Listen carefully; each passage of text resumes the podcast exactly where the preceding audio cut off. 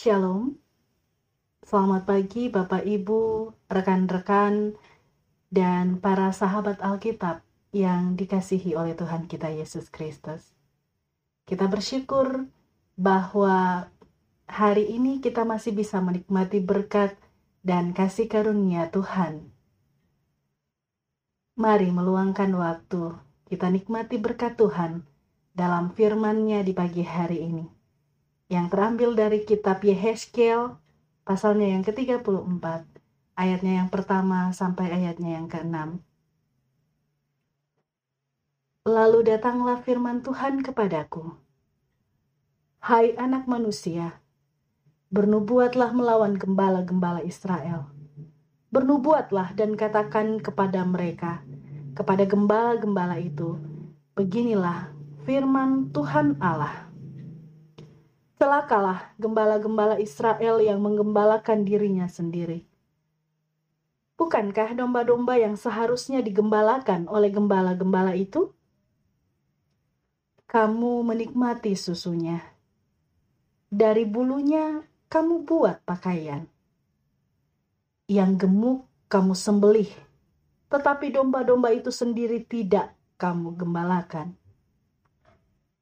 yang lemah tidak kamu kuatkan, yang sakit tidak kamu obati, yang luka tidak kamu balut, yang tersesat tidak kamu bawa pulang. Yang hilang tidak kamu cari, melainkan kamu injak-injak mereka dengan kekerasan dan kekejaman. Dengan demikian mereka berserak oleh karena gembala tidak ada. Dan mereka menjadi makanan bagi binatang di hutan. Domba-dombaku berserak dan tersesat di semua gunung dan di semua bukit yang tinggi. Ya, di seluruh tanah itu, domba-dombaku berserak tanpa seorang pun yang memperhatikan atau yang mencarinya. Demikianlah firman Tuhan. Syukur kepada Allah. Tema renungan kita saat ini adalah semuanya hanya titipan. Penyalahgunaan kekuasaan merupakan persoalan yang sudah ada sejak dahulu. Masalah yang sama juga menjadi pergumulan Yehezkiel pada zaman pembuangan. Terus terang saja, kesalahan bangsa Israel di kala itu begitu besar sehingga hukuman pantas mereka terima. Pemimpin Israel semestinya menjalankan tanggung jawab sebagai gembala bagi domba-domba milik Tuhan. Namun, kerakusan mereka membuat mereka abai terhadap tugas itu. Alih-alih mensejahterakan, mereka memperlakukan bangsanya dengan kejam itu bisa kita lihat pada ayatnya yang keempat. Penderitaan leluhur mereka ketika diperbudak di Mesir ternyata juga dialami oleh mereka. Ironisnya, mereka ditindas oleh bangsanya sendiri sementara pemimpin peduli dengan haknya saja tetapi tidak dengan kewajiban. Gembala yang baik memelihara domba-dombanya tetapi pemimpin Israel juga imam-imam mereka menindas mereka. Akibatnya, bangsa Israel menderita dan terpencar tanpa perlindungan, bahkan mereka terjerumus dalam dosa selama pembuangan.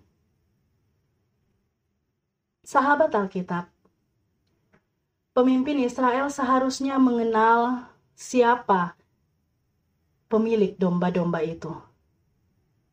Sebagai pemimpin, kita tidak boleh lupa bahwa kita tidak lebih dari pemegang amanat, pelaksana mandat.